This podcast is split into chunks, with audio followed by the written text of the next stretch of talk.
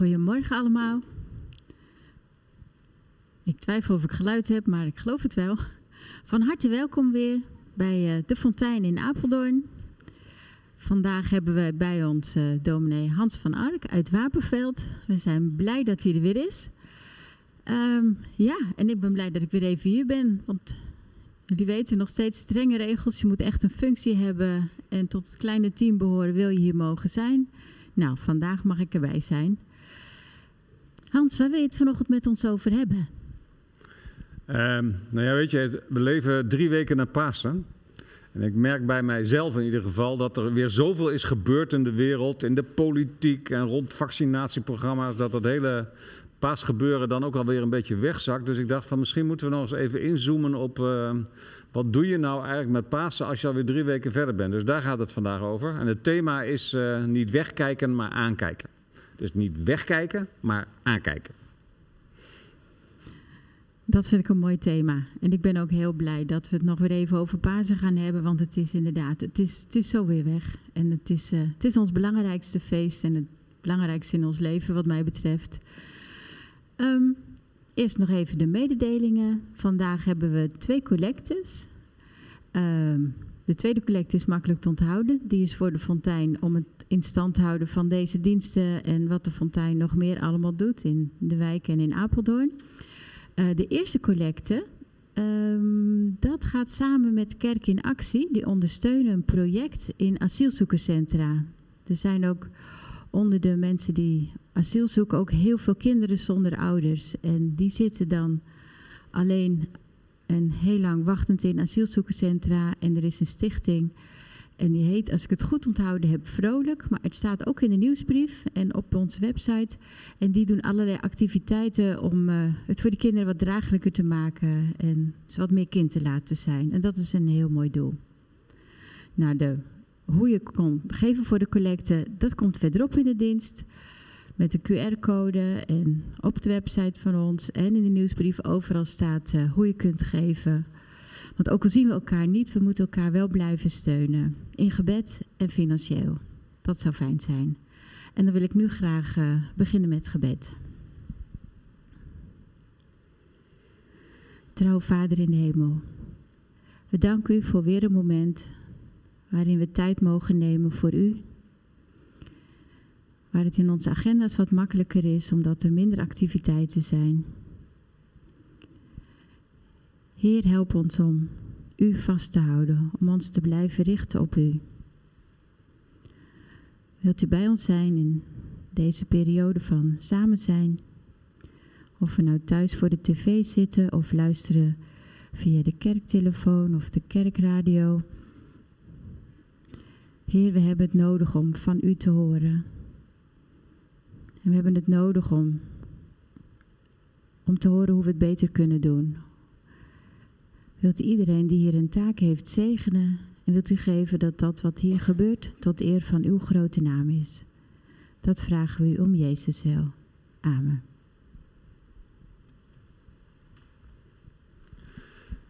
Beste mensen, ik zeg jullie maar eerlijk, het went nooit. In ieder geval voor mij went het niet al vele maanden ben ik uh, zo ongeveer alleen op zondagmorgen met de cameraman.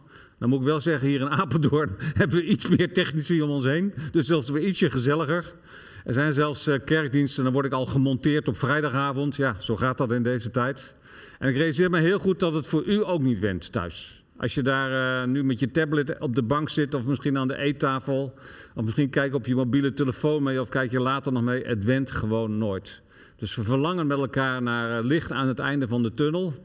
Voor mij heeft dat ook wel alles met geloof te maken. Ik geloof ook wel in licht aan het einde van de tunnel. En vooralsnog voelen we ons ook wel weer gezegend dat we dankzij de middelen van de techniek toch met elkaar verbonden kunnen blijven. Fijn dat u meekijkt, fijn dat u meeluistert. U bent thuis gigantisch in het voordeel, want u kunt wel meezingen. En wij moeten hier uh, netjes onze mond houden, behalve de zangers achter mij, die mogen uiteraard wel uh, zingen. We hopen met elkaar op een mooie en een gezegende dienst. Ik zei al, het thema is uh, niet wegkijken, maar aankijken. En een beetje ook in het licht van hoe ga je nou verder, drie dagen naar Pasen. En ik stel voor dat na het gebed wat Nelke al heeft uitgesproken, dat we ons samen in een moment van stilte op deze dienst voorbereiden.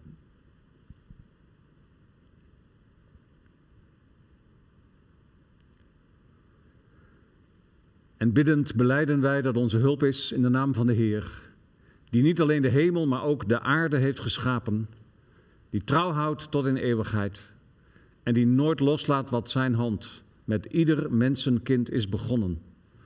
Genade en vrede zij u en jullie allemaal, van die God, onze hemelse Vader, en van Jezus Christus, zijn Zoon. Amen.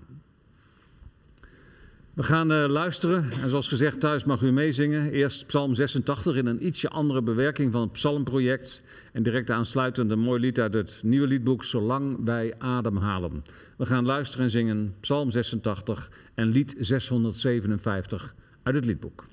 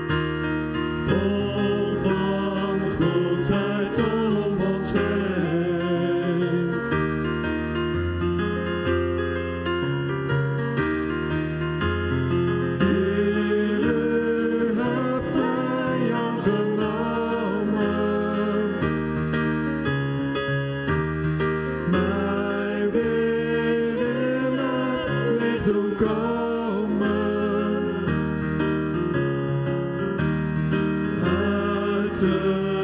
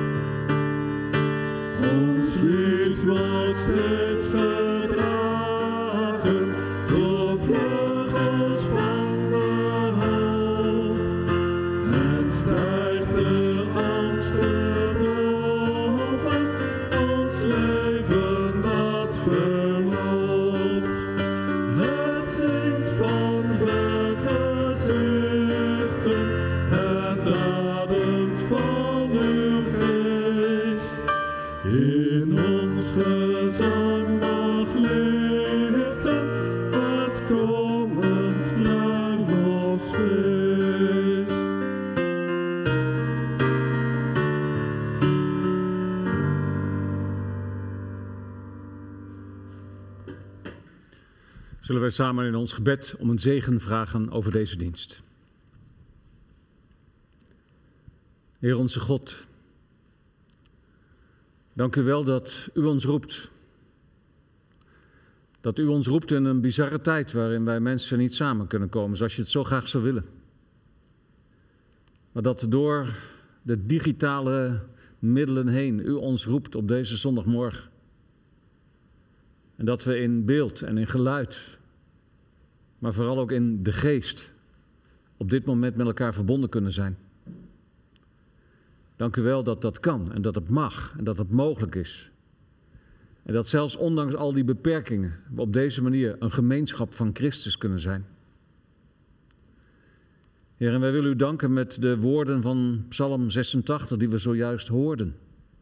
Heer, u hebt ons aangenomen. Dat is wat. Heer, u hebt ons aangenomen. U hebt ons, hoorden we, aan het licht doen komen. U hebt ons uit de dood genomen. Ja, uw goedheid is zo groot. En hoe bijzonder is het als we dat met elkaar op deze ochtend kunnen beleiden. Dat we niet gaan verwijten.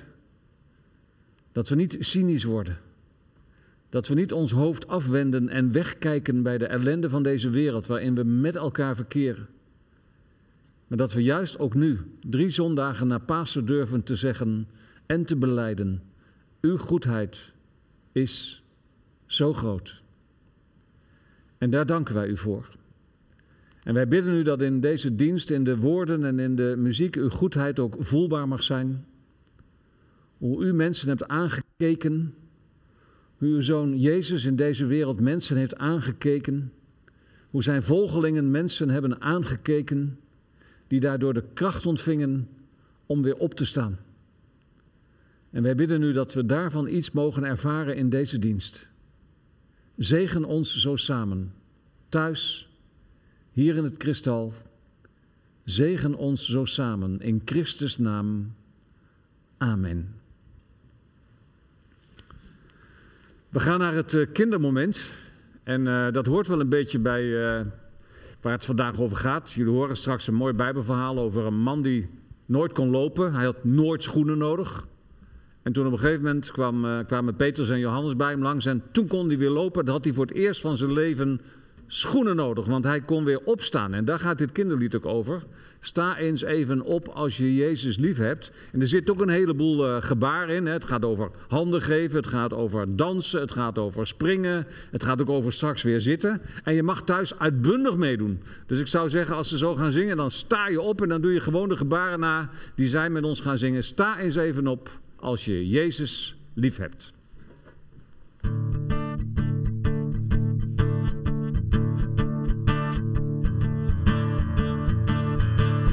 Eens even op als je Jezus lief hebt. Sta eens even op als je van hem houdt. Laat eens merken, laat eens merken dat je van hem houdt. Geef elkaar. Oh, oh, stop, stop. Kan niet. We kun- we kunnen geen hand geven. Corona. We wassen onze handen. Ja. We houden afstand, anderhalve meter. Maar wat moeten we dan? Eh, elleboog, dat klinkt niet. Ah, Geef dat is, elkaar de eh, dat elleboog. klinkt niet echt lekker in de mond. Nee, hè? moet even wat anders bedenken. Box? Een box? Nou, dat is een goede. Een box. Ja, doen we. Gaan we doen, mannen? Geef elkaar de box als je Jezus lief hebt. Geef elkaar de box als je van hem houdt. Laat eens merken, laat eens merken dat je van hem houdt. Draai eens even rond als je Jezus lief hebt. Draai eens even rond als je van hem houdt. Laat eens merken, merken dat je van hem houdt. Spring eens in de lucht als je Jezus lief hebt. Spring eens in de lucht als je van hem houdt. Laat eens merken, laat eens merken dat je van hem houdt. Ga eens even zitten als je Jezus lief hebt. Ga eens even zitten als je van hem houdt. Laat eens merken, laat eens merken dat je van hem houdt. Nou, ik hoop dat jullie je spieren een beetje los hebben gemaakt. Dan gaan we nu luisteren naar het eh, Bijbelverhaal. Dat gaat Nelke, Nelke van Wettem zometeen voor ons lezen. En het gaat over een man. En eh, die man die zit al zijn hele leven aan de poort in Jeruzalem. Ik zei al, hij heeft nooit schoenen nodig gehad en straks heeft hij weer schoenen nodig. Maar wat ik er eigenlijk nog even uit wil leggen is, het verhaal begint met te vertellen dat zich dit afspeelt in het negende uur. En dan denkt u misschien bij zichzelf, wat is nou het negende uur? Nou, het is goed om te weten dat de Joodse urentelling begint bij de zonsopgang. Dus dat is het uur nul. Dus als je vanaf zonsopgang ongeveer 9 uur verder telt, dan ben je ongeveer om een uur of drie smiddags. Dat is dus, belangrijk, Israël is een zuidelijk land, is het warmste deel van de dag. Is het, dag dat je, moment dat je eigenlijk op een dag niet buiten moet zijn. Dan gaan de meeste mensen lekker een slaapje doen of een siesta. Ik zou jullie eerlijk zeggen, als wij zelf in eh, zuidelijke landen op vakantie zijn, dan eh, is dat overigens altijd het uur waarop ik sportieve activiteiten begin te ondernemen. 's ochtends eh, doen we altijd een beetje lang over het ontbijt en we drinken lang koffie en dan gaan we nog eens even lunchen. En denk 's middags, nou dan ga ik eigenlijk maar eens wat doen. Dan is er ook geen kip op straat, want iedereen is dan in de huizen. En dan ga ik wandelen en fietsen op het heetst van de dag. Heerlijk, op het negende uur van de dag. Dan is het dus het allerwarmste. En daar speelt dit Bijbelverhaal zich af. En we gaan er nu samen naar luisteren. Ik mag eh, lezen uit Handelingen 3, vers 1 tot 10. Genezing van een verlamde. Op een dag gingen Petrus en Johannes, zoals gewoonlijk, omstreeks het negende uur naar de tempel voor het middaggebed. Men had ook een man die al sinds zijn geboorte verlamd was naar de tempel gebracht. Hij werd daar elke dag neergelegd bij de poort die de Schone heet, om te bedelen bij de bezoekers van de tempel. Toen hij zag dat Petrus en Johannes de tempel wilden binnengaan, vroeg hij om een aalmoes. Petrus richtte zijn blik op hem, evenals Johannes, en zei: Kijk ons aan. De bedelaar keek naar hen op, in de verwachting iets van hen te krijgen. Maar Petrus zei: Geld heb ik niet, maar wat ik wel heb, geef ik u in de naam van Jezus Christus van Nazareth. Sta op en loop. Hij pakte hem bij zijn rechterhand om hem overeind te helpen. Onmiddellijk kwam er kracht in zijn voeten en enkels. Hij sprong op, ging staan en begon te lopen. Daarna ging hij samen met hen de tempel binnen, lopend en springend en God lovend. Alle tempelbezoekers zagen hem lopen en hoorden hem God loven. Ze herkenden hem als de bedelaar die altijd bij de tempelpoort had gezeten en waren buiten zichzelf van verbazing over wat er met hem was gebeurd. Tot zover de schriftlezing.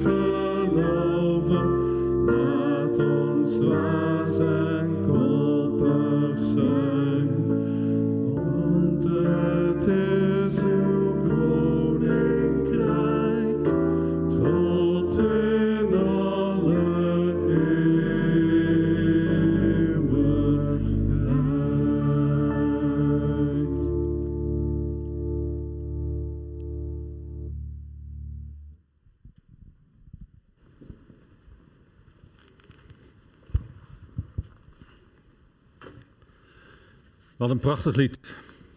Maak ons hart onrustig, God. Direct na de overdenking horen we een lied wat met Pasen te maken heeft. Want daar gaat het vandaag ook nog wel een beetje over. Om het hele idee van waar gingen we nou ook alweer voor met Pasen. Om dat nog eens opnieuw tot leven te roepen. Ik zeg het allen dat hij leeft. Gemeente van Jezus Christus, en daarmee bedoel ik dus u allemaal thuis. Op de bank, aan de keukentafel, op de mobiel, met de tablet. En dan maar hopen dat u verbinding houdt. Mensen misschien die later nog naar deze dienst kijken op maandagavond of op dinsdagavond. Allemaal goed, u bent helemaal welkom. Mensen hier toch ook in de kristal. Gemeente van Jezus Christus. Het Bijbelverhaal van vanochtend, Nelke die vertelde daar al over, dat brengt ons in Jeruzalem. En precies op dat negende uur, ik zei al, het heetste moment van de dag, lopen twee mannen de stad binnen. En ze horen bij dat kleine groepje overgebleven volgelingen van Jezus, Petrus en Johannes. Die hebben het echt niet zo gemakkelijk gehad in de eerste jaren na de dood van Jezus. Ze sliepen s'nachts nog steeds buiten de stad op de Olijfberg, onder de olijfbomen, daar is het koel. Daar sliep Jezus ook altijd als hij naar Jeruzalem ging. Veilig, het is er veilig. En dan lopen die twee mannen op dat negende uur door de toegangspoort via de oostelijke muur van de stad Jeruzalem binnen. Het is ook weer precies dezelfde route die Jezus altijd gebruikte als hij de stad binnentrok. En misschien is het wel mooi om erbij te vertellen dat eh, de toegangspoort waardoor Jezus zijn wederkomst voorspeld wordt, dat is diezelfde poort waardoor deze twee mannen nu naar binnen treden. En die poort is inmiddels duizend jaar later, dat is voor ons dus alweer duizend jaar geleden, want we leven 2000 jaar na Christus, door de moslims dichtgemetseld om te voorkomen dat die profetie uit zou komen dat Jezus ooit door die poort naar binnen zou treden. Gekker nog, ze hebben er zelfs een begraafplaats voor aangelegd, zodat je eerst over die begraafplaats moet en dan kom je dus voor die dichtgemetselde poort en ze hopen dat op die manier voorkomen wordt dat Jezus bij zijn wederkomst door die poort naar binnen zal treden. Maar maak je geen zorgen. Ik geloof vast en zeker dat als Jezus terugkomt, dat geen dichtgemetselde poort en geen graf hem zal tegenhouden. En dat wij met elkaar zullen zingen als de graven openbreken en de mensenstroom breekt aan om de loftrompet te steken en uw hofstad in te gaan. Die poort, daar gaat het om. En die was toen nog niet dichtgemetseld en daardoor gingen Petrus en Johannes dus de binnenstad van Jeruzalem in. En achter die poort ligt een steile trap die dan omhoog voert naar de binnenstad. Tempel en het tempelplein, want die liggen binnen in de stad, die liggen dus nog weer een stuk hoger dan de omliggende muren. En ook die tempel is weer omgeven door een eigen tempelmuur. Daar is heden ten dagen nog maar een heel klein stukje van over, de beroemde, bekende klaagmuur. En ook in die tempelmuur waren weer poorten. En je moest dus twee poorten door om vanuit de stad uiteindelijk bij de tempel aan te komen. Eerst door die stadspoort en daarna door die tempelpoort. En je gaat ook echt omhoog. Je gaat echt op naar de tempel. Wij zeggen uh, in Nederland, ja, de laatste uh, maanden zeggen we dat ook al niet meer, maar wij zeggen altijd: we gaan naar de kerk op zondag. Maar hier lees je eigenlijk dat het veel mooier is: je gaat op naar Gods huis. Dat is wat hier staat. Dat je echt optrekt om in Gods huis samen te komen. Nou, als Petrus en Johannes dan bij die poort aankomen, dan zwegen, vegen ze het zweet van hun voorhoofd. En die tempelpoort die heet de Schone Poort. Nelke vertelde dat ook. De Schone Poort. Moet ik ook nog even wat over vertellen? Want uh, deze gemeenschap hier in Apeldoorn is een beetje een pioniersplek van de protestantse kerk. Maar zo hebben we er inmiddels een heleboel in Nederland. En zo is er ook eentje in Almere. Dat is wel aardig om dat nog even te vertellen. En die heet namelijk ook de Schone Poort. Nou, ik wil niemand beledigen die in uh, Almere woont, maar het is nou niet de stad waar ik per definitie heel vrolijk word als ik daar op een regenachtige zondagmiddag door al die wijken heen trek. En daar gaat het ook niet heel goed met het kerkelijk leven. En toen kwam daar een emeritus-predikant te wonen. En die heeft samen met zijn vrouw hebben ze een SRV-wagen aangeschaft. En die zijn gewoon door de wijk gaan rijden. En die zetten die SRV-wagen dan op drukke punten neer. En dan deelden ze letterlijk en figuurlijk een bakje troost uit. Kopje koffie en gingen in gesprek met mensen. En inmiddels is daar in die wijk, Schone Poort dus heet dat project, een mini-kerk gebouwd.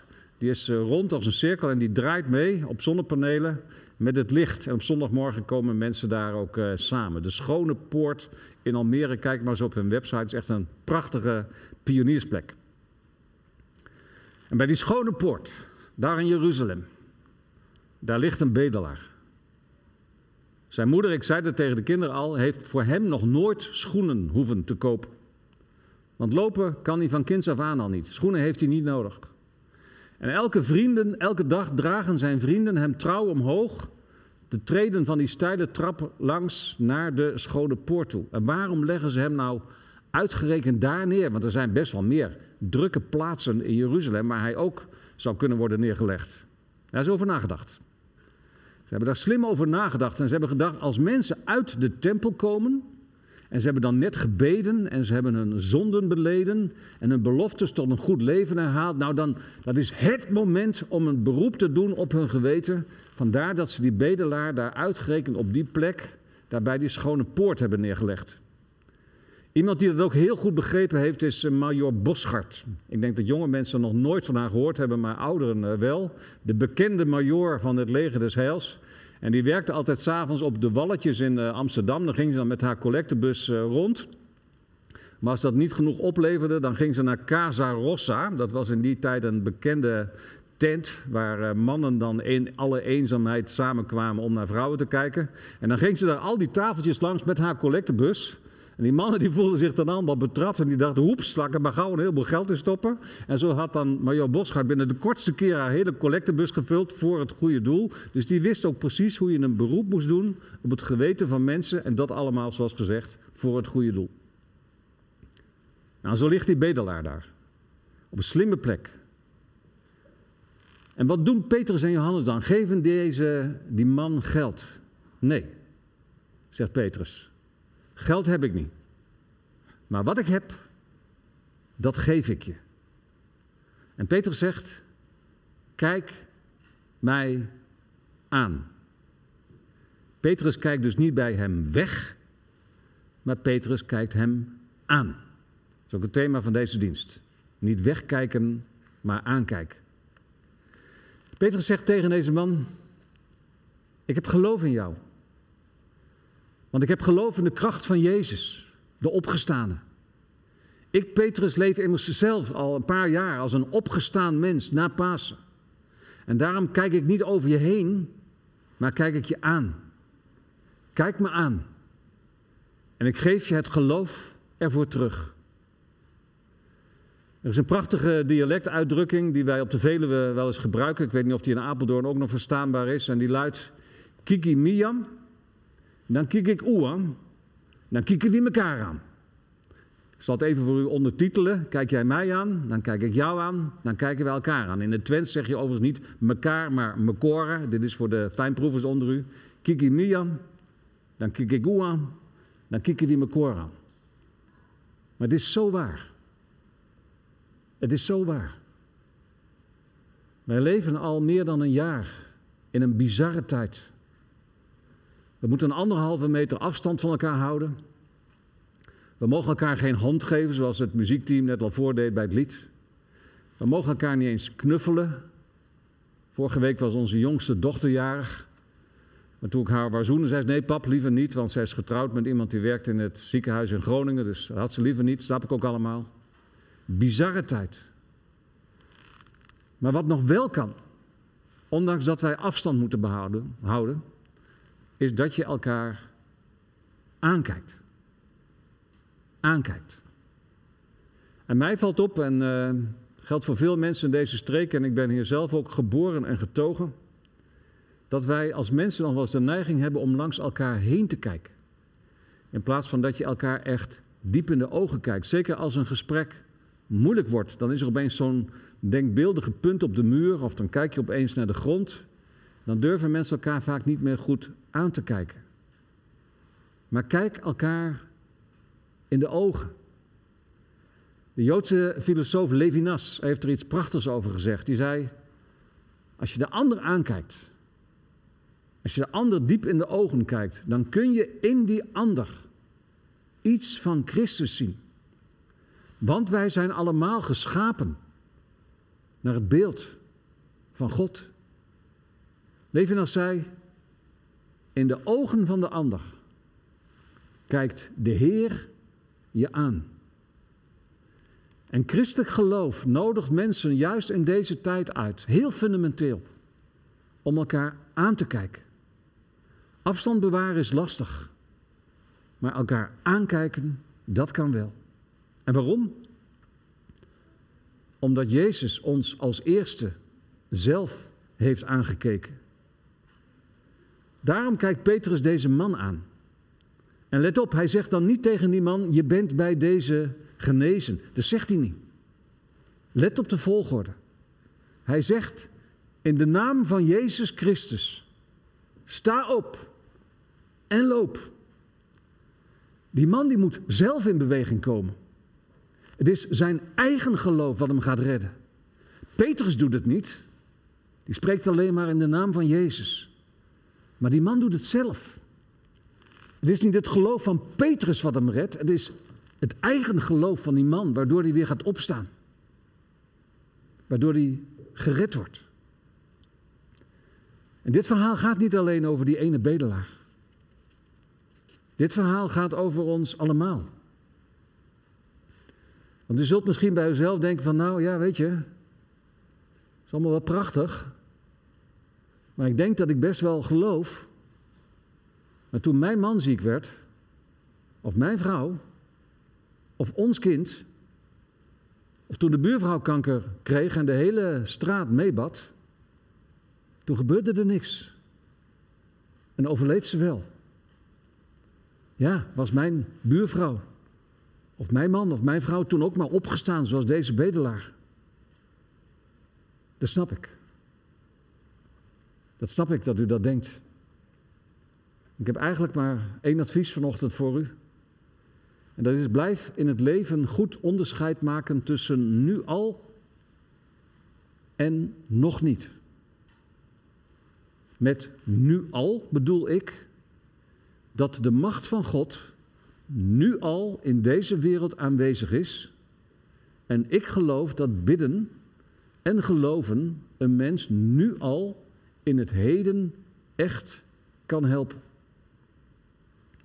Ik heb zelf als predikant ook in een aantal situaties mogen ervaren waarin artsen in academische ziekenhuizen tegen mij zeiden: Dominee, wij kunnen niks meer voor dit kind doen. U kunt beter de familie op het ergste voorbereiden. En begrijp mij goed, ik ben echt een nuchtere Veluwse jongen. Het kindje werd van de slangen afgehaald, want het had immers geen zin meer. toen hebben we met familieleden en vrienden rond dat kindje gezongen en gebeden. Het kindje is ook gedoopt. Het was een soort afscheidsdoop, zo voelde dat voor ons allemaal. Hij is nu 16 en voetbalt dat het een lieve lust is. En de artsen kunnen absoluut niet verklaren wat daar nou gebeurd is, maar het is wel gebeurd en ik was erbij. Dat is dat nu al.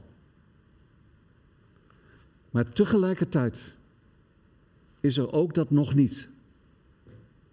Want in vele gevallen, ik zei het al, is het ook niet gebeurd. En werden onze gebeden in ziekenhuizen niet verhoord. Althans niet zoals wij vroegen. Want de kracht van Gods koninkrijk is in deze wereld nog niet ten volle geopenbaard. En er is heel veel gebrokenheid, zeker in deze tijd. En we hebben het afgelopen jaar allemaal mee te maken.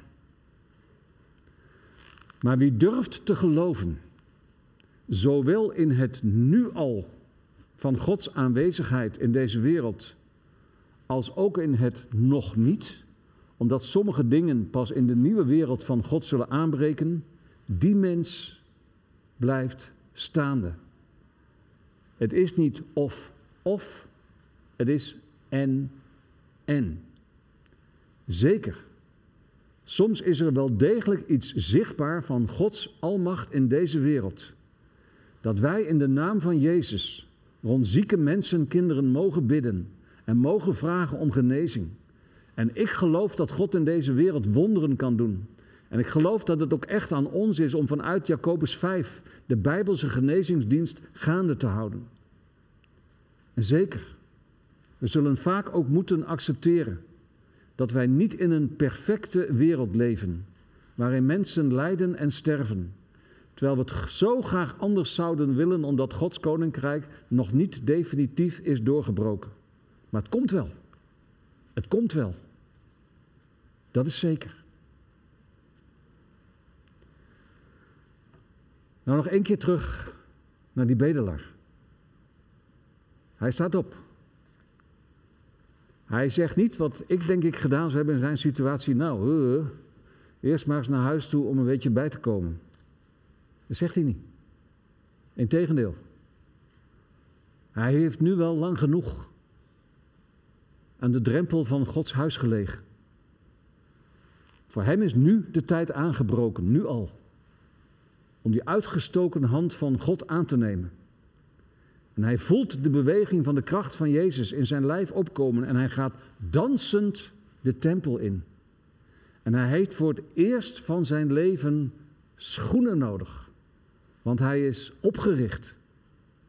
Want iemand heeft hem aangekeken, niet langer bij hem weggekeken en in Christus naam hem tot opstaan uitgenodigd.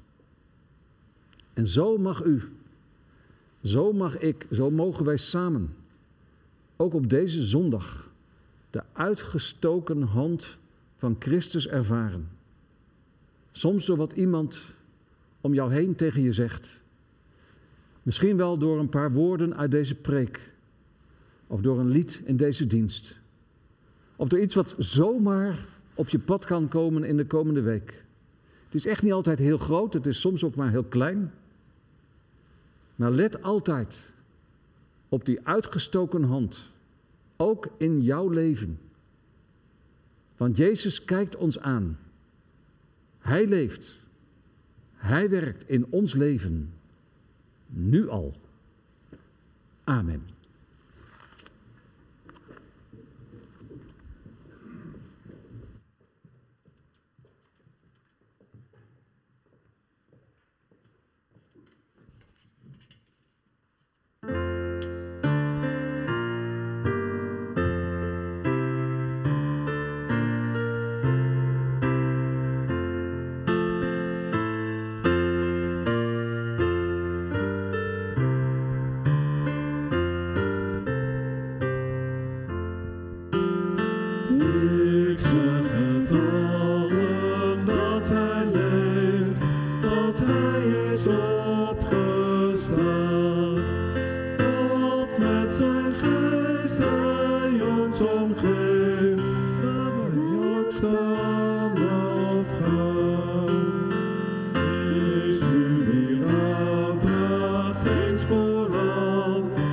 Getroost en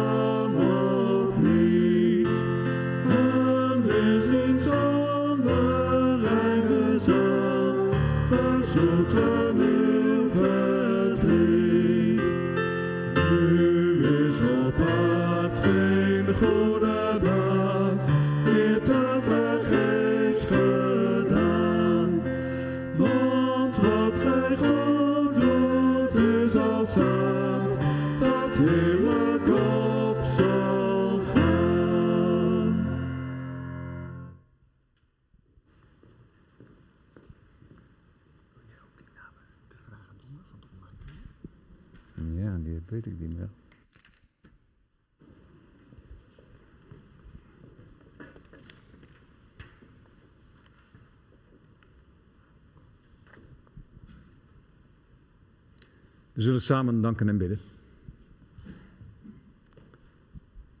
Heer onze God,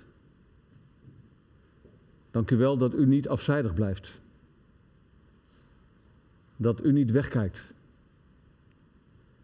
dat uw eigen zoon Jezus Christus in deze wereld kwam. Hij keek mensen recht in de ogen. En in navolging van Christus mogen wij hetzelfde doen. Elkaar diep in de ziel kijken. Omdat wij geloven dat in de ogen van de ander de Heer zelf ons aankijkt. Dank u wel voor een uitvoerbare opdracht die niet te ver weg is, die niet buiten ons bereik ligt, maar die te doen is in het leven van alle dag. Dank u wel dat wij mogen leven van Pasen. Niet alleen op de Paaszondag, maar elke zondag opnieuw, opstandingsdag. Een jaar lang. Dank u wel dat we daarvan met elkaar mochten zingen en getuigen op deze zondag in verbondenheid met elkaar. Heer, en tegelijkertijd willen wij op deze ochtend ook voorbeden doen. Voorbeden doen voor die mensen die zeggen ja, maar in mijn persoonlijke situatie God dat nu al niet. Mensen die afscheid moesten nemen van een geliefde, die in rouw zijn, die met gemis leven, die zich eenzaam voelen. En die ook moeten leven met dat nog niet. Omdat niet alles al in deze wereld verhoord zal worden.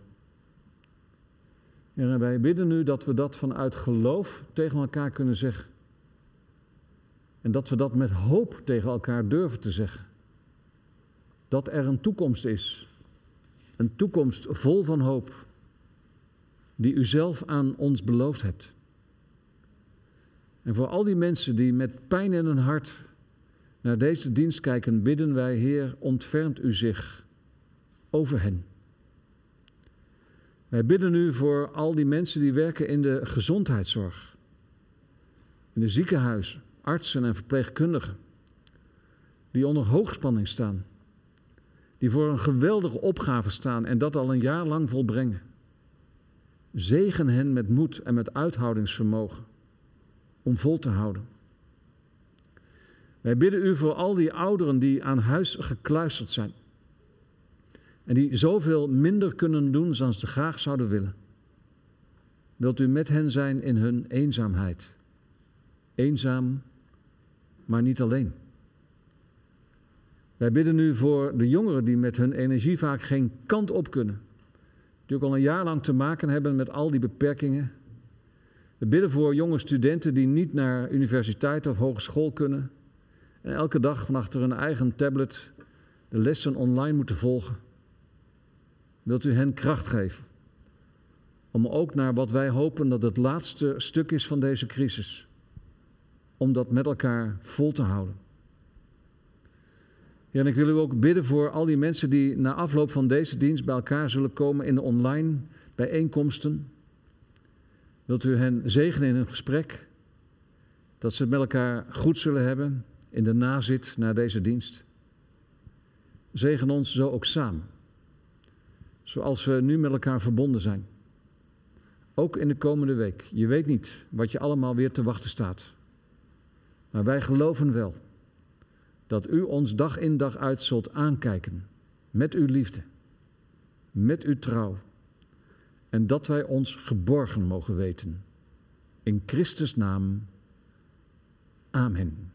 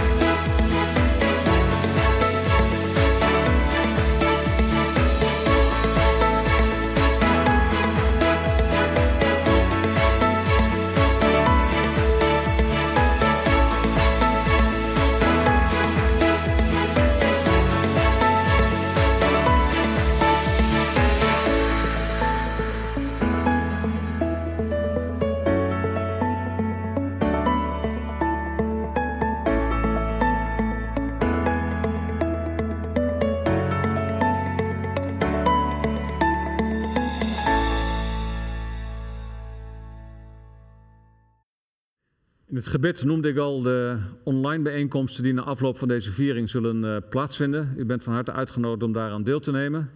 Daarbij uh, horen drie vragen. U mag het uiteraard ook over andere dingen hebben, maar we hebben drie vragen voorbereid waar u over met elkaar in gesprek zou kunnen gaan na deze dienst. Als eerste, hoe zit dat met dat paasgevoel, zo heb ik het maar even genoemd, van uh, u, nu we alweer drie weken verder zijn. Kost het u moeite om dat vast te houden door alles wat je om je heen ziet gebeuren? Dat is één. De tweede vraag gaat over dat wegkijken en aankijken. Kent u daar voorbeelden van in uw eigen situatie? Dat mensen door elkaar aan te kijken juist diep met elkaar in contact zijn? Of herkent u ook wel die situaties waarin mensen bij elkaar wegkijken? Daar ben ik wel benieuwd naar. En de derde vraag gaat over dat onderscheid tussen nu al en nog niet. Ik heb zo'n idee dat velen van u daar in uw eigen leven ook voorbeelden van kunnen geven, misschien wel van beide. Het is misschien goed om dat met elkaar te delen. Ik wens u gezegende gesprekken toe. En wij gaan luisteren. En zoals gezegd, thuis mag u meezingen naar het slotlied. Ga dan in zijn naam. En dat is lied 486 uit de opwekkingsbundel.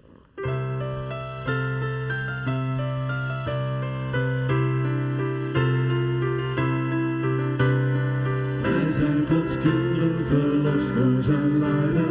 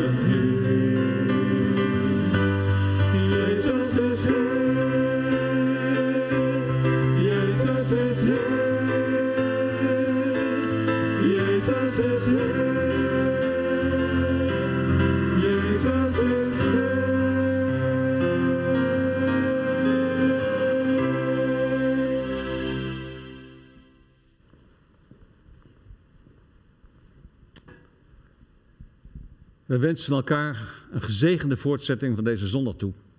Een gezegend begin van de nieuwe week. En u ontvangt die zegen opdat u elkaar ook tot een zegen mag zijn. Ga dan onder de zegen van de Heer de nieuwe week in. En zo zal de Heer voor u zijn om u van hieruit de juiste weg te wijzen. Hij zal achter u zijn om u te beschermen, onder u om uw val te breken, zelfs in u om u te troosten. Maar bovenal zal Hij boven u zijn om u te zegenen. Mogen de Almachtige God u zegenen nu, morgen en alle dagen van uw leven. Amen.